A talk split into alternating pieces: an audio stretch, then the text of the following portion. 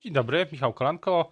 Startuje kolejny polityczny dzień. Dzisiaj startuje też posiedzenie Sejmu. Wśród tematów odwołanie, e, wniosek o wotum nieufności w sprawie odwołania ministra Przemysława Czarnka, a także e, możliwa nowelizacja ustawy o radiofonii i telewizji zwana Lex TVN. Zapraszam na Rzecz o Polityce. Dzień dobry, a Państwa i moim e, gościem dzisiaj jest Piotr Müller, minister Piotr Müller, rzecznik rządu premiera Mateusza Morawieckiego. Dzień dobry. Dzień dobry. Właśnie, co z tą ustawą, e, którą nazwaliśmy, została nazwana Lex e, TVN? Czy ona dzisiaj albo w tym tygodniu w ogóle będzie procedowana przez, przez Sejm? Widziałem dzisiaj e, nad ranem, czy tam wczoraj wieczorem, że też zgłosz, został zgłoszony pakiet poprawek. W związku z tym e, myślę, że to posiedzenie Sejmu zajmie się tym, e, tym, e, tym pakietem. I z tego, co mi wiadomo, oczywiście tutaj zależy wszystko też od pani marszałek, to posiedzenie Sejmu ma szansę już ten temat ostatecznie rozstrzygnąć i przejść do głosowania na sali plenarnej. Ale tak jak mówię, wiem, że jest jeszcze pakiet poprawek do komisji, więc trudno mi powiedzieć też, jak szybko będą obradowały komisje. A, a czy jest większość w Zjednoczonej Prawicy dla którejś wers z wersji tej ustawy? Być może po modyfikacjach? Jest już jakieś ustalenie polityczne?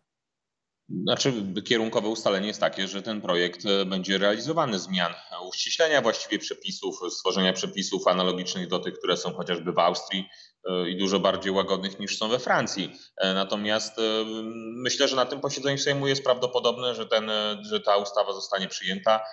Jestem przekonany, że większość, która jest w stanie przyjąć ten projekt na tym posiedzeniu Sejmu jest. Jarosław, Jarosław Gowin, jego politycy mówią, że w tym obecnym kształcie tego projektu nie poprą i chcą wyłączenia krajów e, OECD z tej, z tej reguły. Co pan na to?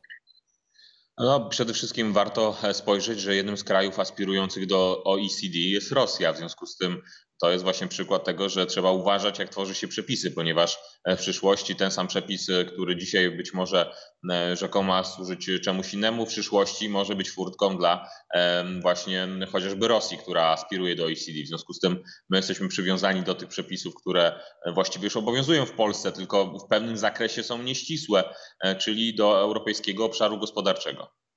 No tak, ale to uściślenie jest odbierane jako uderzenie w jedną ze stacji komercyjnych. Panie redaktorze, rozumiem, że, że może być tak to odbierane, natomiast bierzmy pod uwagę, że w przekonaniu wielu prawników e, już w tej chwili ten przepis e, jest klarowny, według innych nie, w związku z tym następuje uściślenie. Tak jak mówię, analogiczne, podobne do tego, jak funkcjonuje w Austrii czy dużo mniej daleko idące niż we Francji, gdzie przepisy mówią wprost o tym, że przepisy dotyczące, znaczy, że normy dotyczące gromadzenia kapitału, jeżeli chodzi o spółki medialne, że te spółki nie mogą być, że ich właścicielami nie mogą być podmioty z poza Francji, nawet nie z poza europejskiego obszaru gospodarczego, ale spoza Francji. Ale też zastanawiam się nad jednym, bo 6 lat Zjednoczona Prawica rządzi i akurat e, teraz dyskutujemy o tym uściśleniu na kilkadziesiąt dni przed E, wygaśnięciem koncesji dla, dla TVN. To jest przypadek? E, bierzmy pod uwagę, że Krajowa Rada Radiofonii i Telewizji, czyli konstytucyjny organ, który zajmuje się sprawami radiofonii i telewizji, e, zgłosił e, fakt, że jest pewna nieścisłość, czy, czy może być nie do końca dobrze interpretowany przepis, który w polskim porządku prawnym istnieje od wielu, wielu lat.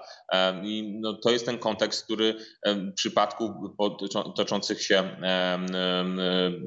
elementów, znaczy postępowania pewnego, tak, wychodzi w czasie właśnie postępowania administracyjnego czy jakiegokolwiek innego. W związku z tym, jeżeli takie wątpliwości pojawiają, to ustawodawca w każdym kraju ma prawo uściślić pewne przepisy.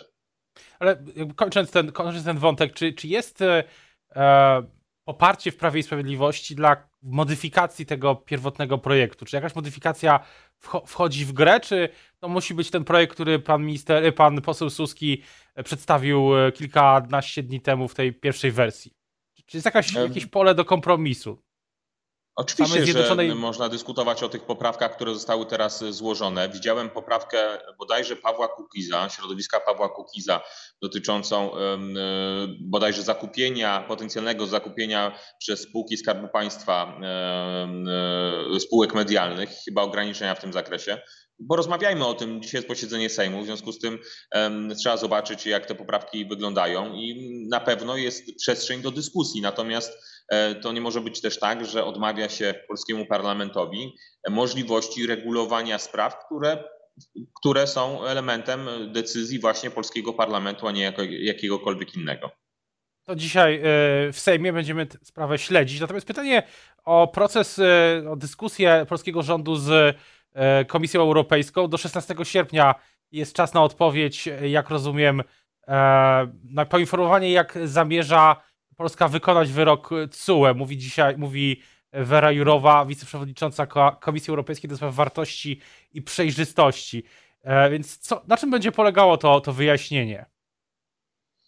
Przede wszystkim warto podkreślić, to już chyba wiele, no już wiele razy o tym mówiliśmy, ale warto to podkreślić, że kwestie związane z hierarchią źródeł prawa są dyskusyjne w wielu krajach Unii Europejskiej. Właściwie nie dyskusyjne, tylko właściwie rozstrzygnięte, czyli że konstytucja stoi ponad prawem e, unijnym, chociażby w Polsce, to wynika wprost z artykułu 8 konstytucji, ale i w Niemczech, w Czechach, we Włoszech, we Francji, w wielu innych krajach Unii Europejskiej, ponieważ tam wprost przepisy konstytucyjne o tym mówią. To jest pierwsza rzecz. Druga rzecz, że traktaty Unii Europejskiej wskazują wprost kompetencje unijne i do tego a contrario, jeżeli nie są wskazane kompetencje unijne, wszystkie pozostałe kompetencje są wyłącznymi kompetencjami e, krajów członkowskich. Takim, taką wyłączną kompetencją jest kwestia realizacji wymiaru sprawiedliwości, organizacji jego, co zresztą w innych krajach też e, wprost, też, e, o czym jest to wszystko tak. będziemy podnosić teraz w odpowiedzi do Komisji Europejskiej. Ale komisarz Jurowa mówi, że nie można sobie wybierać z prawa Unii Europejskiej, co, co może, może obowiązywać, a co nie.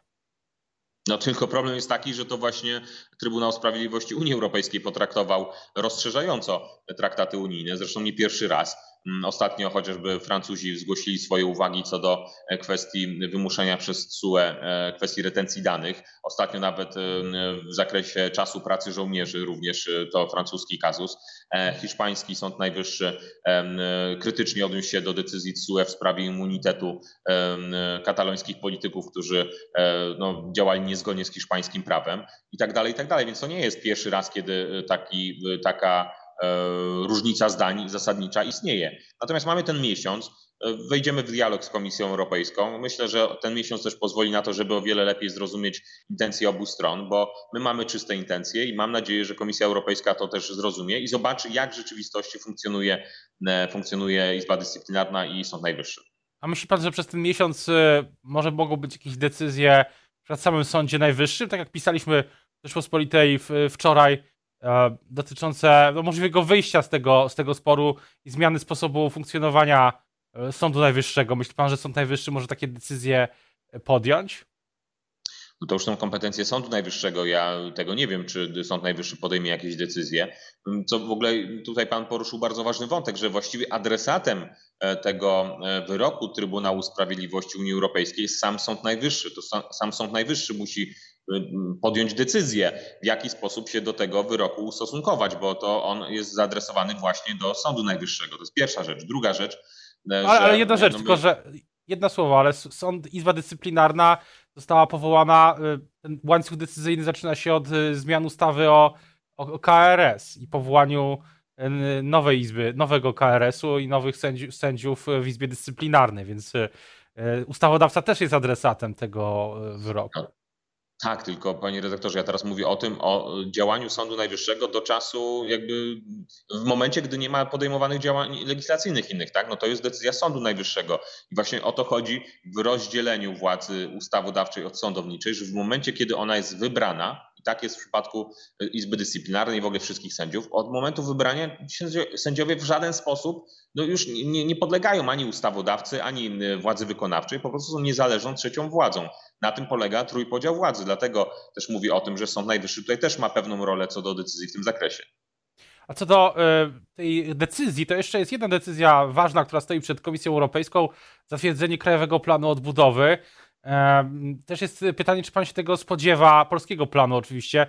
Czy, czy jest jakiś, czy spodziewa się pan, że mm, może się okazać, że, to, że ten Krajowy Plan Odbudowy będzie e, nie zostanie zatwierdzony przez te właśnie wątpliwości co do praworządności?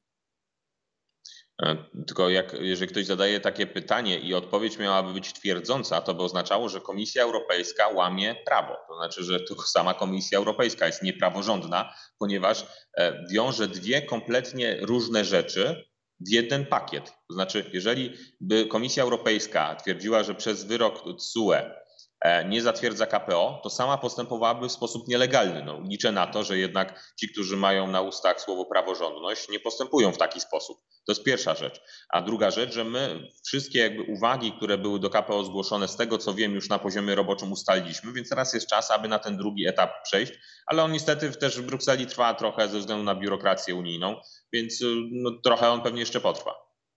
Jeszcze y, pamiętam jeszcze, jeszcze jest jedna rzecz. Pamiętam jak w ubiegłym roku trwała dyskusja też samej, y, też w Polsce, w Zjednoczonej Prawicy nawet, o tym, y, o tych wszystkich decyzjach związanych z budżetem i z praworządnością i przedstawiciele rządu, pan też, pan premier Morawiecki, minister Jabłoński, minister Szymański zapowiadali, że nie będzie zagrożenia dla, dla budżetu, dla funduszy unijnych ze względu na praworządność. Pan to podtrzymuje?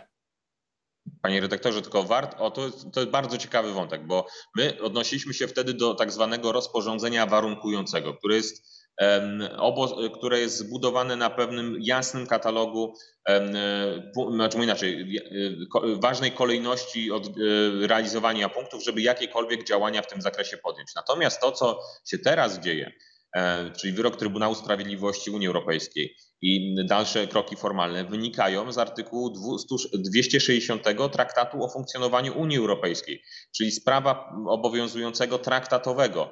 Rozporządzenie warunkujące kompletnie nie ma nic z tym wspólnego. W polskiej debacie publicznej niektórzy łączą te dwa wątki, ale to nie ma nic wspólnego. Procedura rozporządzenia warunkującego w ogóle nawet jeszcze się nie, nie rozpoczęła w żadnym zakresie. Natomiast to, co my widzimy, to jest procedura rozpoczęta 3 czy 4 lata temu, tak szeroko rozumując, tak? bo pan nawiązał do tych ustaw, więc te dwie rzeczy kompletnie nie mają ze sobą nic wspólnego. Ale na przykład w przyszłości, gdy, bo Polska i Węgry zaskarżyły to rozporządzenie, z tego co pamiętam, do CUE, CUE się ma tym zająć i w przyszłości e, po, tym, e, po tej decyzji, ona chyba jest, ma być w tym roku, to rozporządzenie e, może zostać do, wobec Polski zastosowane. No i co, co wtedy, jeśli tak będzie? Ale tam są określone warunki, które muszą być spełnione, cała procedura. To nie jest takie proste i naprawdę, jeżeli miało być stosowane zgodnie z przepisami, które tam obowiązują, musiałaby to być procedura de facto no, wielo, wielomiesięczna, jak nie kilkuletnia, ponieważ tam każda ze stron ma prawo odnieść się do zarzutów, w tym wypadku też, no powiedzmy sobie wprost, zupełnie nietrafionych i też no, niesprawiedliwych, bo w Hiszpanii czy w Niemczech stosowane są przepisy, które według tych standardów, o których mówi Komisja Europejska, też należałoby uznać rzekomo za niezgodne z prawem europejskim. Co do innych wątków też w polskiej debacie publicznej, to z tego co pamiętam, dzisiaj e, ma być losowanie loterii, czy wyniki loterii szczepionkowej. A pytanie jest, czy i kiedy rząd będzie podejmował decyzję co do dalszych kroków wokół e, programu szczepień? Czy mogą się, czy może się pojawić taki wariant jak we Francji czy Wielkiej Brytanii, że niektóre usługi, rodzaje, branże będą dostępne tylko dla osób zaszczepionych? My mamy w Polsce taki wariant hybrydowy właściwie, to znaczy z jednej strony e, mamy limit osób, które e, no, ze względów epidemicznych e, mogą uczestniczyć w określonych wydarzeniach czy w określonych miejscach, przebywać w określonym limicie. Natomiast do tego limitu, co do zasady, w większości miejsc nie liczą się osoby zaszczepione. W związku z tym to jest taki wariant hybrydowy. Z jednej strony pozwalający na to, aby z usług korzystały te osoby, które no, niestety nie chcą się zaszczepić lub nie mogą, czasami się to zdarza.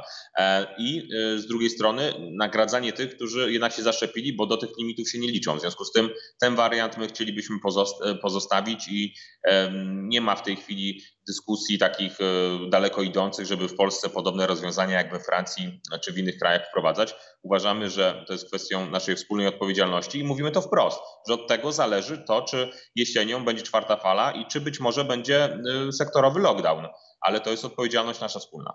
Sektorowy lockdown, czyli no czyli jeżeli doszłoby do sytuacji, w której liczba zachorowań rośnie, to nie wykluczamy, że podobnie jak to było w poprzednich miesiącach, Niestety trzeba będzie wprowadzić ograniczenia w niektórych e, miejscach, tak jak to miało miejsce, tak jak w sektorze gastronomicznym to miało miejsce, czy w innych miejscach. Natomiast no, wszystko robimy, aby program szczepień był po, po, pierwsze powszechnie dostępny. Każdy, kto chce się zaszczepić właściwie dzisiaj albo jutro może pójść do punktu szczepień się zaszczepić e, z marszu, tak? Więc e, punkty są dostępne szeroko w wielu miejscach w Polsce. Szczepienia są bezpłatne. No, można się do nich szybko zarejestrować przez internet czy telefonicznie. Wszystkie wymogi ze strony państwa, aby zapewnić takie szczepienia są zrealizowane. Na koniec chciałbym się zapytać o Polski Ład. E, pytanie, kiedy pojawią się te ustawy z tej dziesiątki, którą państwo, e, czy ta główna ustawa podatkowa z tej dziesiątki, którą państwo, którą rząd zapowiadał kilkanaście dni, dni temu. Pamiętam, że miały się rozpocząć konsultacje w sprawie tych, tej ustawy podatkowej, ale chyba się jeszcze nie rozpoczęły. Faktycznie, jeżeli chodzi o ustawę podatkową, to tutaj jeszcze trwają ostatnie ustalenia e, co do jej kształtu. One się wydłużyły, faktycznie miały być wcześniej te konsultacje uruchomione, natomiast no, czekamy na to i te konsultacje zostaną uruchomione.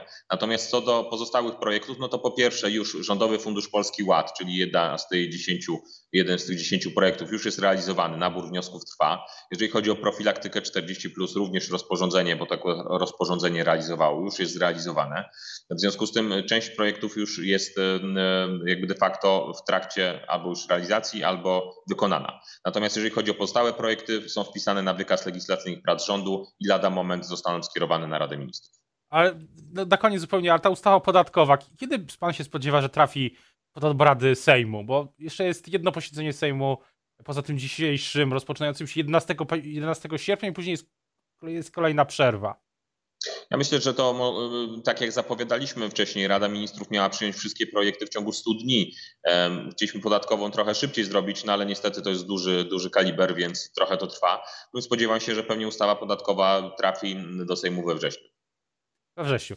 Dziękuję bardzo za rozmowę. Państwa i moim gościem dzisiaj był minister Piotr Müller, rzecznik rządu premiera Mateusza Morawieckiego. Dziękuję bardzo. Dziękuję bardzo.